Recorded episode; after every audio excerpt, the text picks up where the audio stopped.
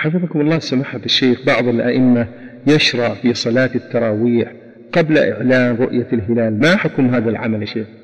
لا لا ينبغي هذا. التراويح بعد رمضان فلا يصلي منه التراويح حتى يعلن انه رؤية الهلال.